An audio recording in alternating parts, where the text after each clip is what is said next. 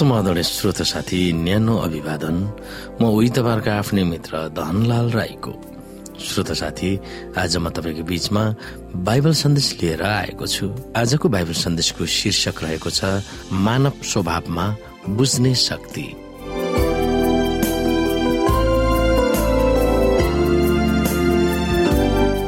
श्रोत साथी यस मानव स्वभावमा बुझ्ने शक्ति भन्ने बाइबल सन्देशमा हामीले अध्ययन गर्नुपर्ने बाइबल पदहरू रहेको छ। उत्पत्ति एक अध्यायको चौबिसदेखि सत्ताइस उत्पत्ति दुई अध्यायको सात र उन्नाइस मत्ती दस अध्यायको अठाइस उपदेशक बाह्र अध्यायको एकदेखि सात एक राजा दुई अध्यायको दस र एक राजा बाइस अध्यायको चालिस। र यसमा हामीले सम्झनु पर्ने पद अथवा मेमोरी गर्नुपर्ने बाइबल भर्स रहेको छ उत्पत्ति दुई अध्यायको सात पद। यहाँ लेखिएको छ तब परमप्रभु परमेश्वरले भूमिको माटोबाट मानिस बनाउनु भयो र तिनको नाकमा जीवनको सास फुकिदिनु भयो र मानिस जीवित प्राणी भए। श्रोत साथी हामी यहाँ दुई अलग तर्कहरू हेर्न पाउँछौ बाइबलमा। तिमी मर्नेछौ। उत्पत्ति दुई अध्यायको सोह्र सत्र।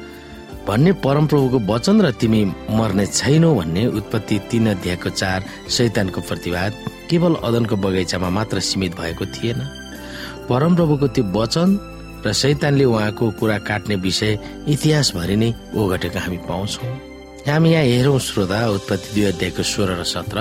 यहाँ भनिएको छ अनि उहाँले मानिसलाई यो आज्ञा दिनुभयो बगैँचाका सबै रुखका फल तैले सङ्कोच नमानी खाए हुन्छ।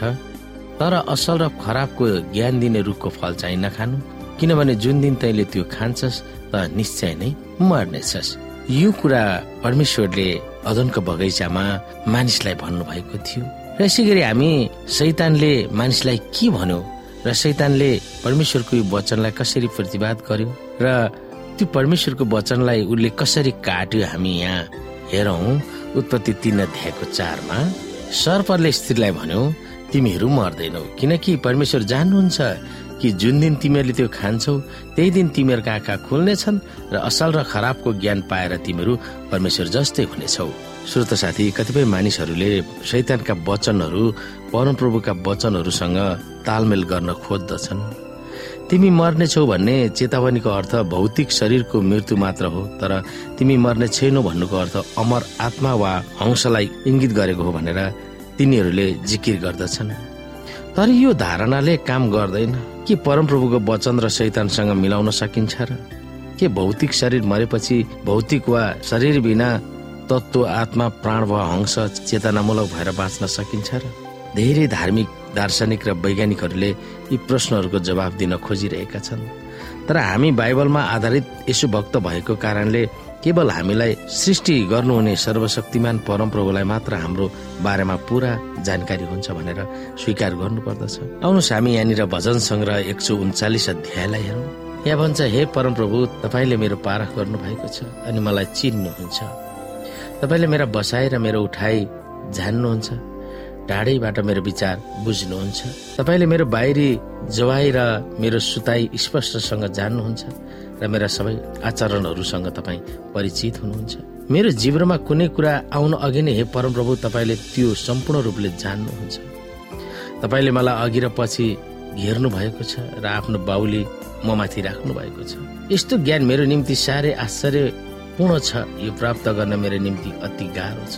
तपाईँको आत्माबाट म कहाँ अलग जान सक्छु अथवा तपाईँको उपस्थितिबाट म कहाँ भाग्न सक्छु? म आकाशमा गएँ भने तपाईँ त्यहाँ हुनुहुन्छ गहिराईमा आफ्नो ओछ्यान बनायो भने त्यहाँ पनि तपाईँ हुनुहुन्छ। प्रभातको पखेटामा उडेर समुद्रको पल्लो किनारमा गएर बसे भने पनि त्यहाँ पनि तपाईँको बाहुलीले मलाई डोर्याउनेछ र तपाईँको दाहिने बाहुलीले मलाई पक्रिराख्नेछ।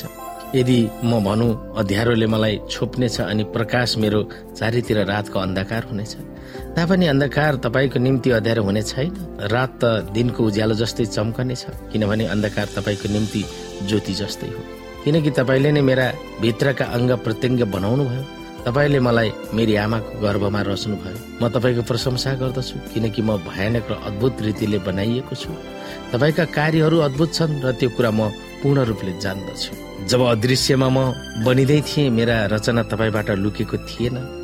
अनि जब म पृथ्वीको गहिरामा रचिँदै थिएँ तपाईँको आँखाले मेरा नबनिएको शरीरलाई देखेँ। मेरो निम्ति नियुक्त गरिएको आयु तपाईँको पुस्तकमा लेखिएको थियो। त्यसको एउटै कुरा पनि पूर्ण हुन अघि सब लेखिएका थिए। हे परमेश्वर मेरो निम्ति तपाईँका विचारहरू कति बहुमूल्य छन्। तिनको संख्या कति महान छन्। तिनलाई मैले गर्नु परेमा ती बालुवाका करहरू भन्दा बढी हुने थिए। जब म बिउजन छु तब म तपाईँसँगै हुन्छु। हे परमेश्वर दुष्टहरूलाई विनाश गर्नु भए कति असल हुने थियो। हे रक्त पिपासु मानिसो मबाट दूर हो। तिनीहरू तपाईँको विरुद्धमा दुष्ट नियतले बोल्छन् र तपाईँका शत्रुहरूले तपाईँका नाउँको दुरुपयोग गर्छन्। हे परमप्रभु तपाईँलाई घृणा गर्नेलाई के म घृणा गर्दिन र? तपाईँको विरुद्धमा उठ्नेहरूलाई के म हेलाको दृष्टिले हेर्दिन र? तिनीहरूका निम्ति मेरो हृदयमा घृणा बाहेक अरू केही छैन। म तिनीहरूलाई मेरा शत्रु ठान्दछु। हे परमेश्वर मलाई जाँच्नुहोस् र मेरो हृदयलाई जाँच्नुहोस् मलाई जाँच्नुहोस् र मेरा चिन्ताहरूलाई जाँच्नुहोस्। हेर्नुहोस् ममा कुनै खराब चाल छ कि र मलाई अनन्तको मार्गमा दोहोऱ्याउनुहोस्। श्रोत साथी त्यसकारण ती निर्णायक प्रश्नहरूको जवाब केवल बाइबलमा मात्र छ भनेर हामीले जिकिर गर्नु अति जरुरी छ। पुरानो करारमा मानिसको स्वभाव कसरी वर्णन गरिएको छ? र मानिस मरेपछि उसको अवस्था कस्तो हुन्छ भन्ने पुरानो करारको शिक्षा हामी लिन सक्दछौँ र त्यसलाई हामी हेर्न सक्दछौँ। श्रोत साथी आजको लागि बाइबल सन्देश यति नै। हस्त नमस्ते। जय मसिंह।